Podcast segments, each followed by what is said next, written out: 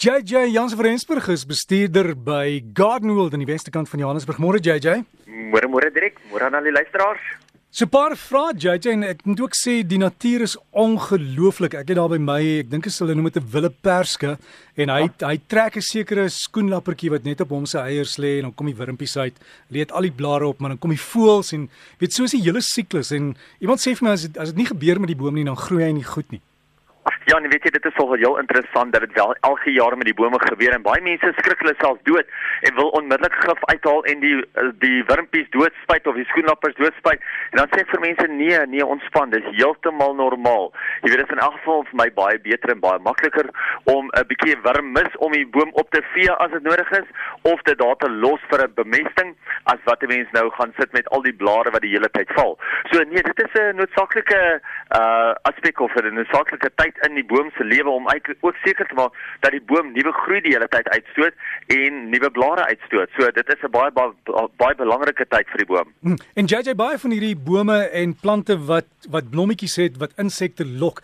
Hulle sê van hierdie insekte kan dit 50 km ver ruik en dan jou boom so opspoor. Dis ongelooflik.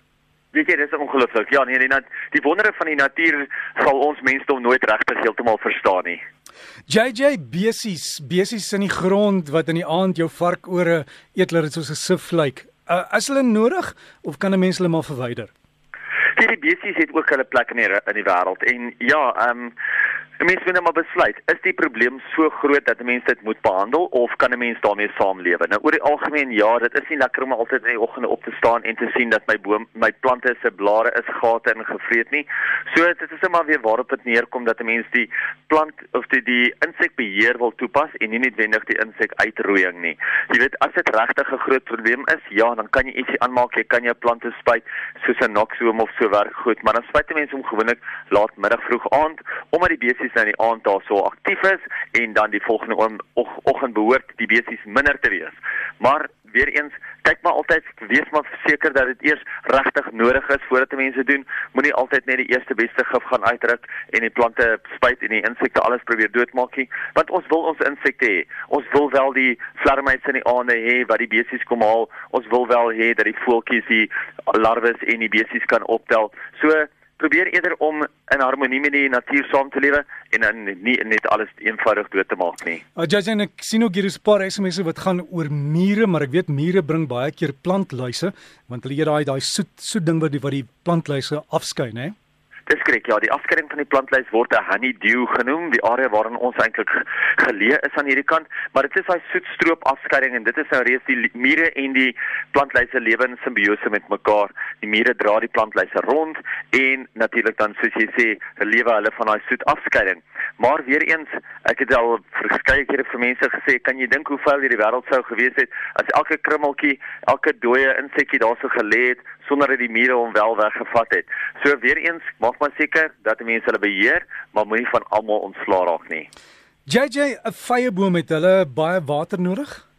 'n Vyeboom word eintlik 'n xerofiet genoem en 'n xerofiet is 'n plant wat in 'n baie droë tot 'n baie nat omstandighede kan lewe.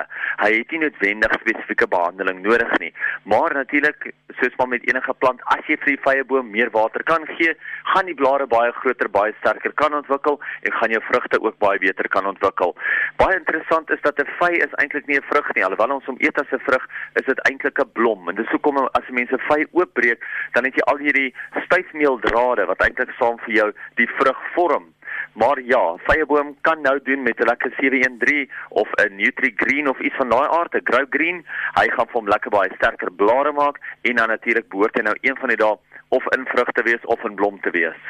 Ja, Jessie, as jy sien wat jy betaal vir vye in 'n supermark, dis dis belaglik. Jy moet mooi kyk na jou vyeboom, hoor. Ja nee definitief. En hulle verkoop dit as die grandste groen vy of wat ook al en dit is maar net 'n gewone vy wat jy in jou tuin kan kweek. JJ, jou lys, wat het jy alles? Daar sê dit is hierdie tyd van die jaar is 'n lekker warm tyd van die jaar. En 'n mens moet maar altyd seker maak dat as jy hierdie tyd van die jaar enige plante sou uitplant, het sy dit nou groente saailinge, uh blomsaailinge is of plante is wat jy self gekweek het en moet opbreek en uitplant. Moet 'n mens altyd seker maak dat jy dit nie in die middel van die dag doen nie. Moet dit nie oor die warmste tyd van die dag doen nie.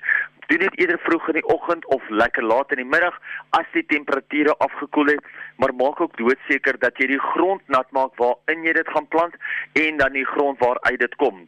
So die plante self moet goed nat gemaak word 'n uur of wat voordat jy dit gaan verplant en dan die grond moet goed benat word want as 'n mens daai nat grond nou gaan vat en jy sit dit oor in die droë grond, gaan die droë grond letterlik net al die water uit hierdie saailing uittrek.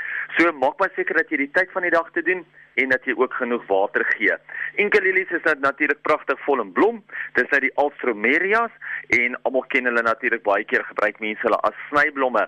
Nou mense kry dwergvariëteite en jy kry groot groene variëteite. Baie mense sal sê maar myne groei nie so groot soos die ander nie, maar hulle blom pragtig en dit kan nie dwergvariëteite wees. Dit kan nie prinses variëteit wees wat eintlik gewoonlik as jou dwergvariëteit bekend staan. Maar die groot ding is met jou enkalelies is hulle hou van lekker baie water. Jy moet hulle voer ietsie soos 'n flower power werk baie goed want hy gee vir hom die hele tyd ekstra voedingsstowwe sodat hy ekstra blomme kan maak. Hy hou van vol son, maar ook as jy hom gaan pluk vir 'n vaas vir die huis of as jy sien die blomme gaan af, dan moet jy hom fisies uit die grond uittrek. Jy moet hom nie uitsny nie.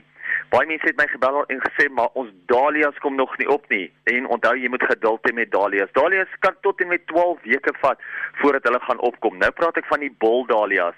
Kleiner variëteite Die pompom dahlias hoef nie altyd gestit te word nie, maar die langer is gaan 'n mens gewoonlik moet spit, uh, moet stit, want as jy hulle nie gaan stit nie, gaan hy blomstele baie maklik breek. En nou praat ek van die groter gerryhoek en die cactus dahlias. Maar wees net geduldig, hulle gaan wel opkom. Nou is ook 'n baie goeie tyd om jou sagte hout steggies te kweek. Nou jy gebruik ons vermiculiet um in die grondmengsel. Jy kan 'n bietjie riviersand insit, jy kan perliet insit En onthou dan kan jy ook natuurlik die steggie wat jy gaan sny, moet jy dan in hormoonpoeier druk. Onthou die steggies moet omtrent dunner as 'n sostatie stokkie wees. Jy kan nie die steggies dikker as 'n sostatie stokkie nou probeer om steggies te sny nie, want dan weet jy dat die steggies gaan eintlik nie mooi groei nie. Hulle gaan nie maklik vat nie. Ba baie belangrik nadat jy die steggie gemaak het, is om 'n plastiese sakkie bo-oor die houer te trek waarin jy die steggies um, plant sodat hy kan kondenseer en dat hy homself eintlik kan nat maak. Laaste enetjie vir vandag is die plant van die week. Ons plant van die week is die daglelies. Onthou November is die maand van daglelies. Veral nou nou dat ons aan die einde van November kom. Nou behoort al die daglelies pragtig en blom te wees. Natuurlik is die daglelies 'n baie geharde plant. Hy hou van die volson. Hy blom geweldig maklik. Die blomme self hou net vir 'n dag, maar onthou hy het ritse ritse blomme en eh, dan gaan hy dan vir jou 'n paar dae na mekaar elke dag 'n nuwe blom kan oopmaak. Die blomme self is ook eetbaar. So as jy 'n slaai maak, as jy mense onthaal en jy wil iets interessants in die in die in die slaai insit, kan jy altyd daai dag net die blom ook binne in die slaai insit. So gaan kyk bietjie uit kyk of jy vir jou van hierdie vir al die nuwe variëteite daglelies het al hierdie groter blomme, sterker blomme, dubbelblomme, helderder kleure. Gaan kyk bietjie by jou naaste kwekery wat is beskikbaar, maar die daglelies lyk ongelooflik en is nou 'n fantastiese tyd om jou spesiale daglelies uit te soek. As jy JJ en ek, ek weet jy kry ook naglelies, mos daai wat uh, wel is meer 'n vetplant is dit wat in die aand blom. Ja, dis korrek. Ja, jy kry um, die naglelie en dit is eintlik waar jou uh, dragon fruit, jou wat is die Afrikaans vir dragon fruit? Dit is 'n draakvrug vandaan kom. En dit is 'n lelie wat eintlik net in die aand blom. Hy blom net vir een aand en as hy nie in daai aand bestuif word nie, gaan jy glad nie jou vrugte van hom af kry nie. So daai eksotiese vrug met die pink skil en die wit en swart gespikkelde vlees Dit is uit die draakvrug en dit is een van hulle wat hy blom net vir een aand en hy moet vinnig bestuif word. So die insekte moet baie vinnig hulle werk doen. So gesels ons met JJ Jansen van Rensburg van Garden World. Sy e-pos is jj by gardenworld.co.za. As hier by gardenworld.co.za lekker tuin maak.